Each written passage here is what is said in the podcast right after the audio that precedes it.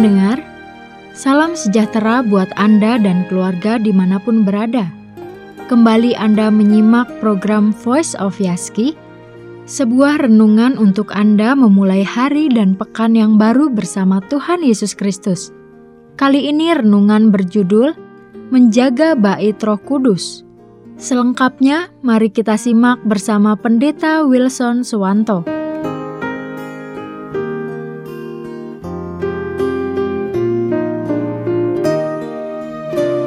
Saudara yang terkasih, 1 Korintus 6 ayat 19 sampai 20.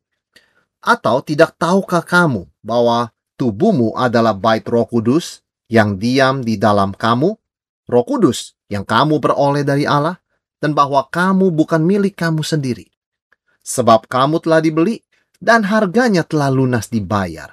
Karena itu, muliakanlah Allah dengan tubuhmu saya teringat akan sebuah lagu yang berjudul I Am Nobody's Child.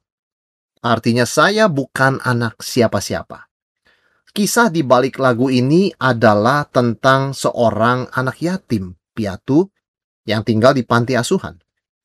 Banyak keluarga datang untuk mengadopsi anak-anak yang tinggal di panti asuhan tersebut supaya mereka boleh mempunyai orang tua angkat.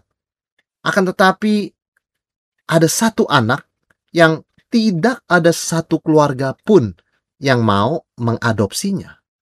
Mengapa? Karena dia buta.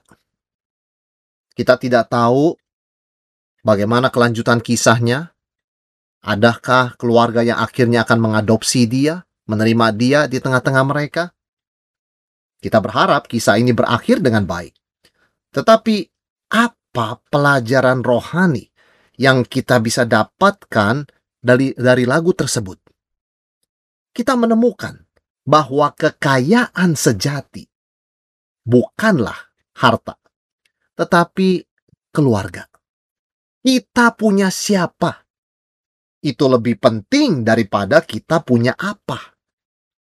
Jadi seperti anak tadi yang tidak punya siapa-siapa.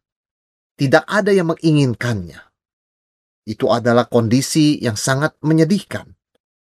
Dan kita disadarkan bahwa bukan sekedar apa yang kita punya itu berharga dan penting, tapi siapa yang kita punya itu sangat menentukan hidup kita. Siapakah orang yang paling kasihan? Seorang yang paling kasihan adalah seorang yang berkata, "Saya hanya punya diri saya sendiri, dan saya adalah milik saya sendiri." Ini adalah orang yang paling kasihan.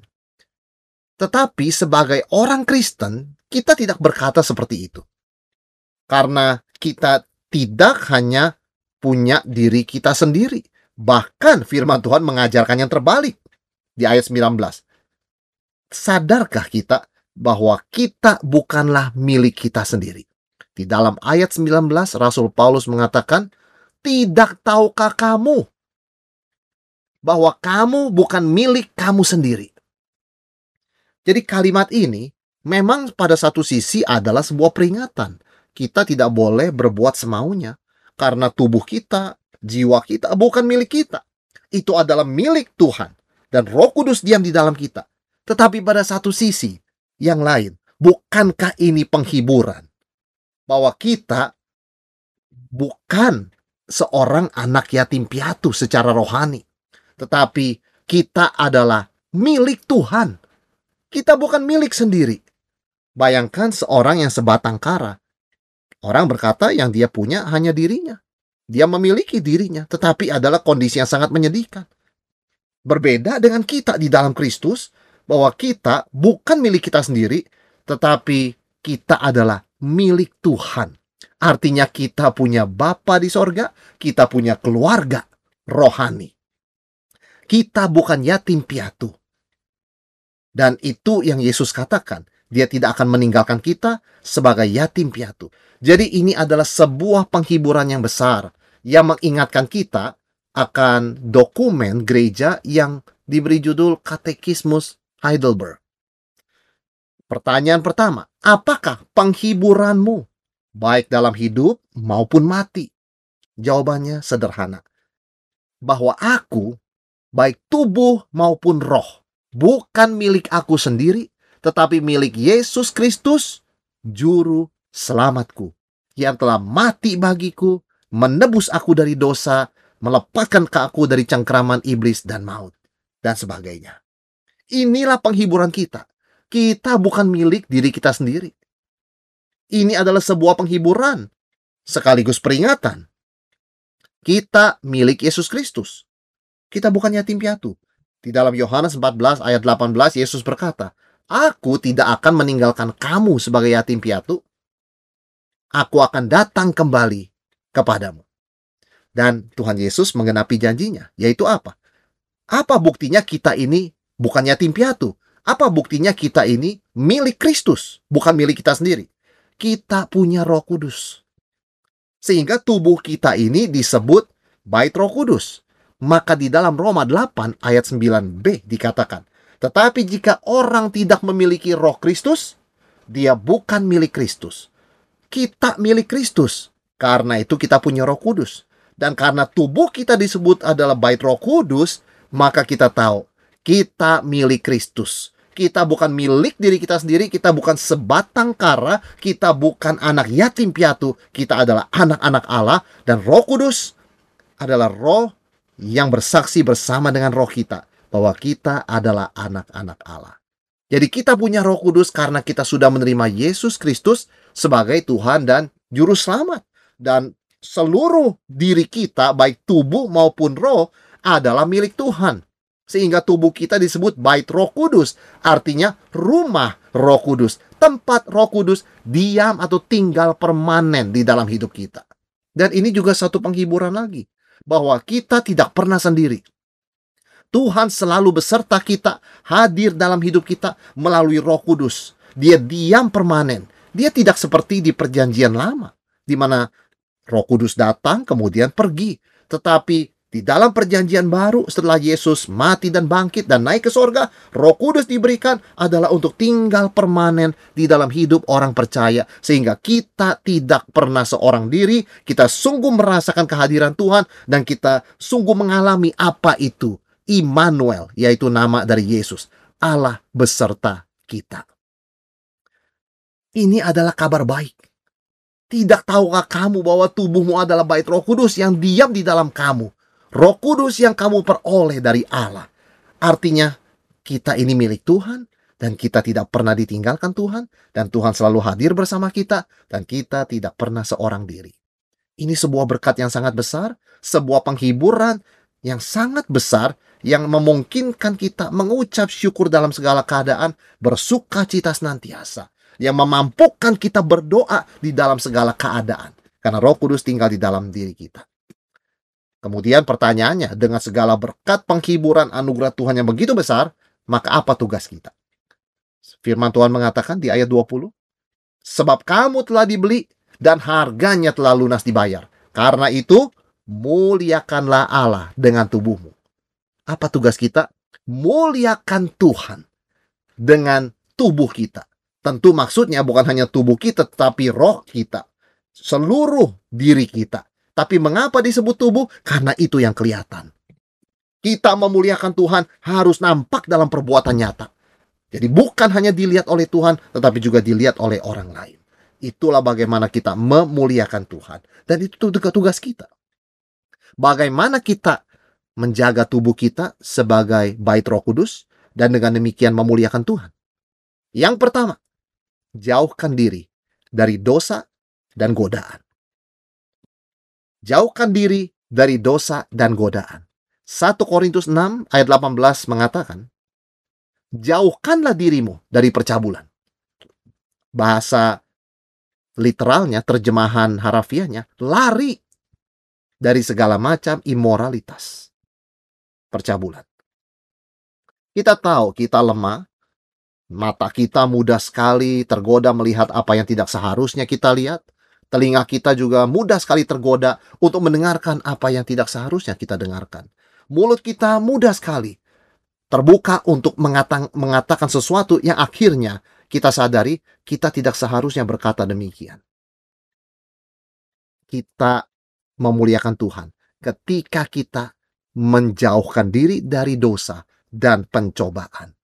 Kita menjaga jarak, bahkan kita lari dari pencobaan, lari dari godaan, lari dari dosa. Sebelum orang masuk ke bait Allah di dalam perjanjian lama, mereka harus membersihkan dirinya dengan air. Harus ada jarak antara bait Allah yang kudus dengan hal-hal yang di luar bait Allah yang dianggap bersifat najis. Jadi ada garis pemisah yang jelas antara bait Allah dan dunia. Dunia tidak boleh mencemari bait Allah. Demikian pula, kalau kita ini disebut bait Roh Kudus, tubuh kita disebut bait Roh Kudus, artinya kita harus menjaga jarak dengan dosa dan hawa nafsu dunia ini. Hindari, jauhkan diri, bahkan lari sejauh-jauhnya.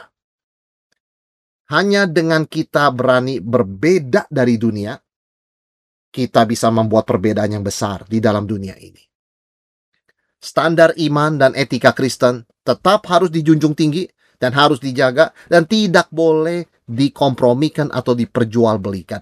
Itulah langkah pertama bagaimana kita menjaga tubuh ini sebagai bait Roh Kudus dan dengan demikian kita memuliakan Tuhan.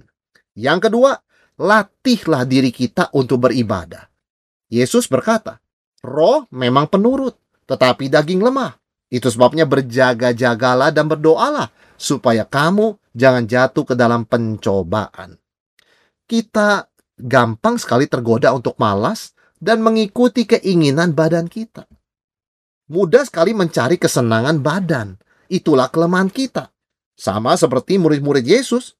Pada malam Yesus akan disalibkan, keesokannya mereka bersama Yesus di Getsemani malah tertidur. Apalagi pada masa pandemi ini, ibadah kita banyak dilakukan secara online, kita duduk di sofa yang nyaman di rumah kita, sering kali sulit menggerakkan badan kita untuk ikut instruksi ibadah. Seringkali sulit kita berkonsentrasi mendengarkan firman dan ingin rasanya mengganti channel. Seringkali bahkan kita tidak mau ibadah dengan tepat waktu dan kita lebih memilih nonton rekaman ibadahnya pada waktu di mana kita sudah siap. Nah, ini tidak memuliakan Tuhan. Bagaimana kita memuliakan Tuhan dengan tubuh kita yang adalah bait Roh Kudus? Bait Allah adalah tempat orang beribadah. Maka latihlah badan kita untuk beribadah dengan disiplin. 1 Korintus 4 ayat 8 berkata, latihan badani terbatas gunanya, tetapi ibadah itu berguna dalam segala hal karena mengandung janji, baik untuk hidup ini maupun untuk hidup yang akan datang. Dengan begini, kita tidak akan menjadi budak dosa, melayani hawa nafsu kita, menuruti kesenangan badan kita, melainkan kita melatih diri kita, melatih tubuh kita untuk disiplin beribadah kepada Tuhan. Karena kita sudah ditebus oleh darah Tuhan Yesus. Ketika kita menuruti keinginan badan kita yang malas berdoa, malas baca firman, malas beribadah, kita sedang menjadi budak dari keinginan badan kita. Keinginan daging, Alkitab katakan. Tetapi sebaliknya ketika kita memuliakan Tuhan, ketika kita menjaga tubuh kita ini sebagai badan roh kudus, kita mengarahkan badan kita ini untuk rajin berdoa, disiplin membaca firman Tuhan, beribadah dengan teratur, dan maka kita bukanlah budak dari kesenangan badan kita, tapi kita adalah hamba Tuhan. Kita hidup sebagai pelayan Tuhan di baitnya, di dalam hidup kita. Yang ketiga, bagaimana kita menjaga tubuh kita sebagai bait roh kudus dan dengan demikian memuliakan Allah? Kuasai diri, self-control. Tubuh kita adalah milik Tuhan. Memang kita masih mempunyai sifat berdosa, maka bagaimana kita bisa memuliakan Tuhan dengan tubuh kita yang adalah bait Roh Kudus ini? Kita harus mengontrol atau menguasai diri kita. Jaga ucapan kita. Jaga pikiran kita. Jaga ekspresi emosi kita. Jaga tindakan kita. Jaga nada bicara kita. Jaga sikap kita. Itulah bagaimana kita memuliakan Tuhan yaitu dengan menaklukkan keinginan daging, mengalahkannya. Sehingga mereka itu tidak mengontrol kehidupan kita, tapi kita mengalahkannya dan kita bisa menguasai diri. Pada diri kita, kita tidak bisa menguasai diri karena kita ini banyak kelemahan. Tetapi ingat, Roh Kudus diam di dalam diri kita. Kita tidak pernah sendiri. Jadi menguasai diri artinya membiarkan, mengizinkan Roh Kudus menguasai kita. Bekerja dengan leluasa, melahirkan buah. Dan karena itu, kita bisa memuliakan Tuhan. Tanpa pertolongan Roh Kudus, kita tidak bisa menguasai diri. Kita akan dikuasai oleh lidah kita, dikuasai oleh emosi kita, dikuasai oleh keinginan kita, dikuasai oleh pikiran kita yang ke sana dan kemari. Tetapi karena tubuh kita adalah bait Roh Kudus dan Roh Kudus tinggal permanen di dalamnya, maka kita bisa menguasai diri kita. Bisa menguasai perkataan, emosi, perbuatan, dan sikap kita. Kita bukanlah milik kita sendiri. Kita juga tidak pernah sendiri. Kita bukan yatim piatu, kita adalah milik Tuhan, anak Tuhan, dan tubuh kita adalah bait roh kudus. Tuhan selalu beserta kita melalui roh kudus. Tidak pernah meninggalkan kita, selalu diam di dalam kita. Karena itu kita punya kekuatan dan kita bisa memuliakan Tuhan dengan tubuh kita. Dan tubuh kita juga kudus karena telah dibasuh bersama dengan roh kita oleh darah Tuhan Yesus Kristus menjadi kehadiran Tuhan, tempat Tuhan hadir, yaitu Roh Kudus. Maka marilah kita dengan tubuh yang adalah bait Roh Kudus ini, kita menjauhkan diri dari pencobaan, dari dosa, melatih diri beribadah, dan menguasai diri. Dengan melakukan ketiga hal ini, kita memuliakan Tuhan yang adalah penebus dan pemilik kita.